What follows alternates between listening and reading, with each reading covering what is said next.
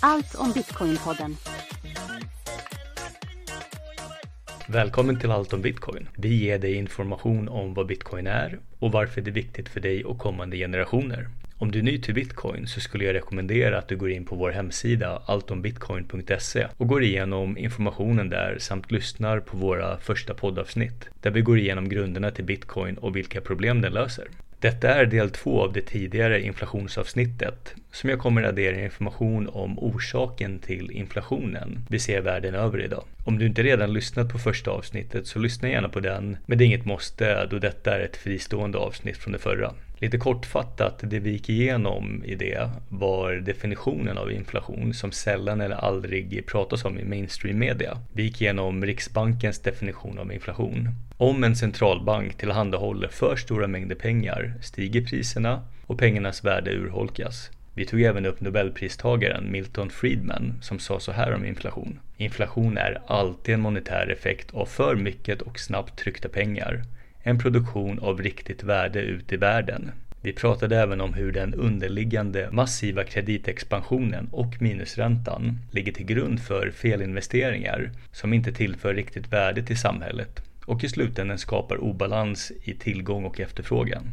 Läser man och tittar på nyheterna eller lyssnar på politiker så får man lätt bilden att inflationen kommit från ingenstans och att det är konflikten i Ukraina och energibrist på grund av energiblockaden av rysk gas och olja som är orsaken till den.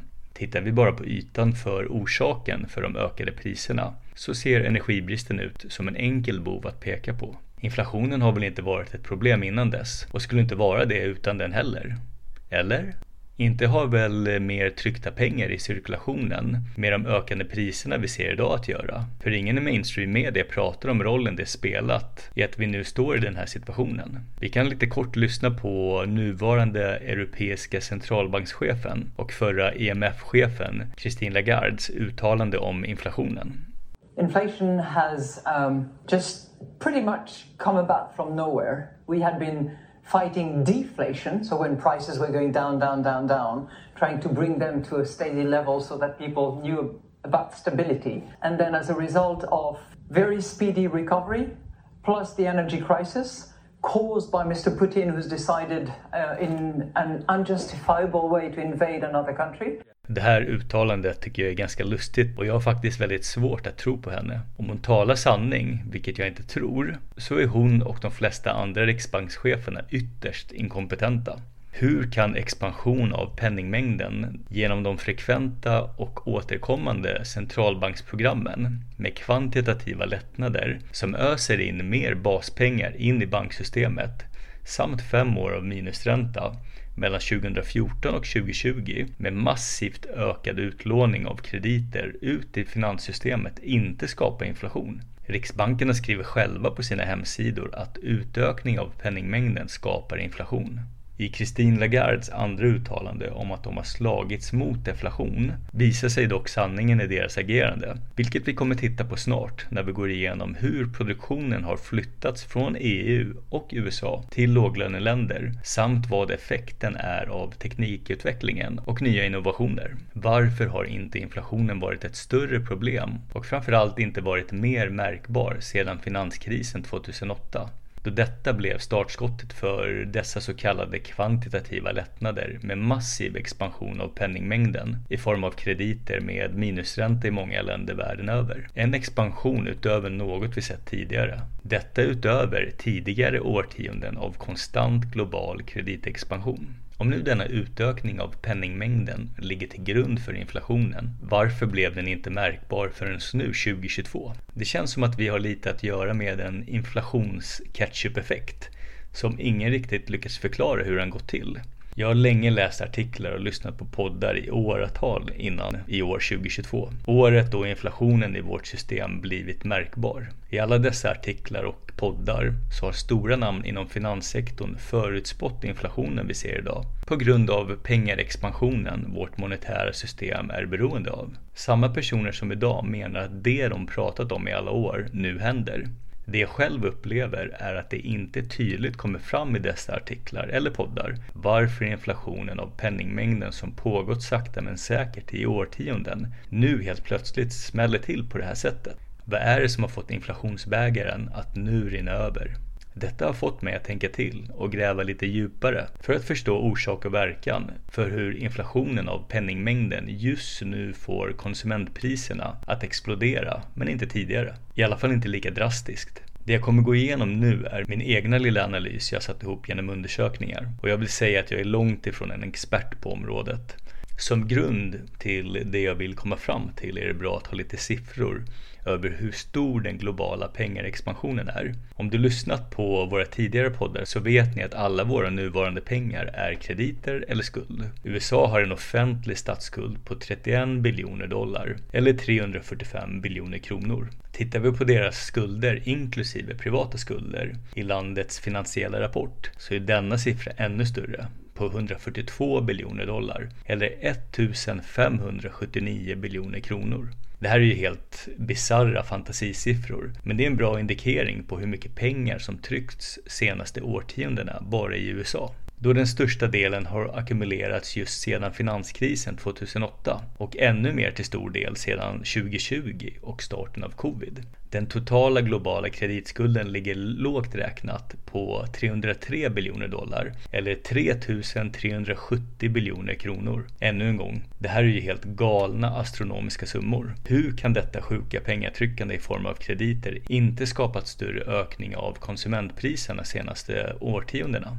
Många inom bitcoinvärlden känner väl till entreprenören Jeff Booths förklaringar om hur teknik, teknikutveckling och innovation är deflatorisk, det vill säga minskar konsumentpriserna och motverkar inflationen. Inflationen, alltså pengatryckandet och expansionen av krediter som vårt monetära system skapar. Ett klassiskt exempel han brukar ge är priset på en billig mobiltelefon när de först kom. Låg runt 20 000 kronor. Idag så får du en bra mobil för runt 5 000 kronor. Nu för tiden så innehåller de även fler inbyggda funktioner och ersätter andra produkter som kamera, fotobok, skanner, banktjänster, tv och streamingtjänster, lexikon, karta och GPS, radio, brevlåda eller mail, kalender, klocka, dagbok, böcker och lagringssystem för filer och dokument, brädspel, spelkonsol och tidningsläsare, för att nämna några få saker. Då teknik genomsyrar allt i våra liv så blir den deflatoriska effekten av teknikinnovationer något som balanserat ut inflationen av penningmängden vårt monetära system har haft. Vårt nuvarande monetära system som det ser ut idag implementerades 1971 och expansionen av pengar i cirkulation har sakta men säkert ökat i takt för varje år sedan dess. Samtidigt som teknikinnovationerna har blivit fler och fler under samma period. I samma takt har även produktionen i väst minskat medan låglöneländerna har allt mer tagit över produktionen av allt vi konsumerar. Denna flytt av produktionen till låglöneländer är nyckeln i att maskera hur inflationen påverkar konsumentpriserna. Om vi fortsatt producera allt det vi konsumerar lokalt så hade de höga och allt mer ökande lönerna i väst återspeglat sig i väldigt mycket högre priser på alla produkter. Istället så utjämnas inflationen och utökningen av penningmängden i väst med hjälp av en allt större produktion i låglöneländerna, där även produktionen i sig blir allt mer tekniskt innovativ och mer effektiv. Vi ser detta tydligt om vi tittar på statistiken från de senaste årtiondena på hur produktionen minskat i väst västländerna medan länder som Kina har ökat sin produktion i samma takt som den minskat i väst. Produktionen i EU har gått från 20% av bruttonationalprodukten till 15% av BNP de senaste 30 åren, vilket är en minskning på 725 miljarder euro om året eller ungefär 7,25 biljoner kronor om året. USA har samma period minskat minskat sin produktion ännu mer. Nästan 10% av BNP, vilket i dagens mått är 23 biljoner kronor per år. Så vart har den här produktionen tagit vägen? Om vi tittar på Kinas siffror så kan man börja se ett mönster. Under samma period har vi sett Kina öka sin produktion från nästan ingenting 1991 till nu 40 biljoner kronor om året 2019. Så Kina ökar med 40 biljoner och USA och EU minskar med 30 biljoner kronor under samma år.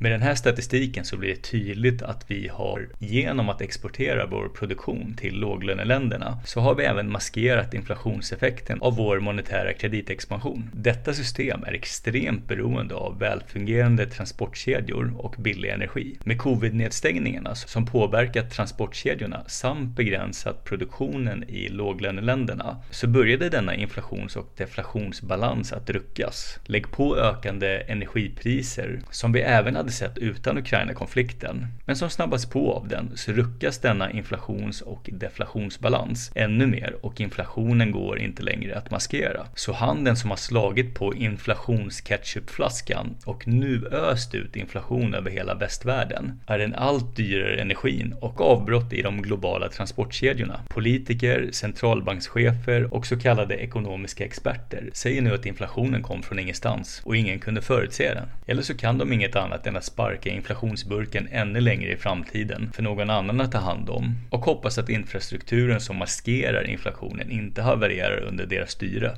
Men nu är vi här, slutstationen. Dags att betala notan för årtionden av osund monetär policy. Nu försöker alla låtsas som ingenting, som Christine Lagarde, och skylla allt på omständigheterna. Ryssland, Putin och covid är finfina syndabockar för denna soppa. Och har man inte den underliggande historien och kopplingen till vårt monetära system och den deflatoriska effekten av teknik och flytten av vår produktion till låglöneländer så är den historien lätt att köpa av massorna. Hur hade världen sett ut med årtionden av sunda pengar där penningmängden inte expanderar samtidigt som vi flyttat produktionen till låglöneländer tillsammans med årtionden av massiva tekniska innovationer som är deflatoriska?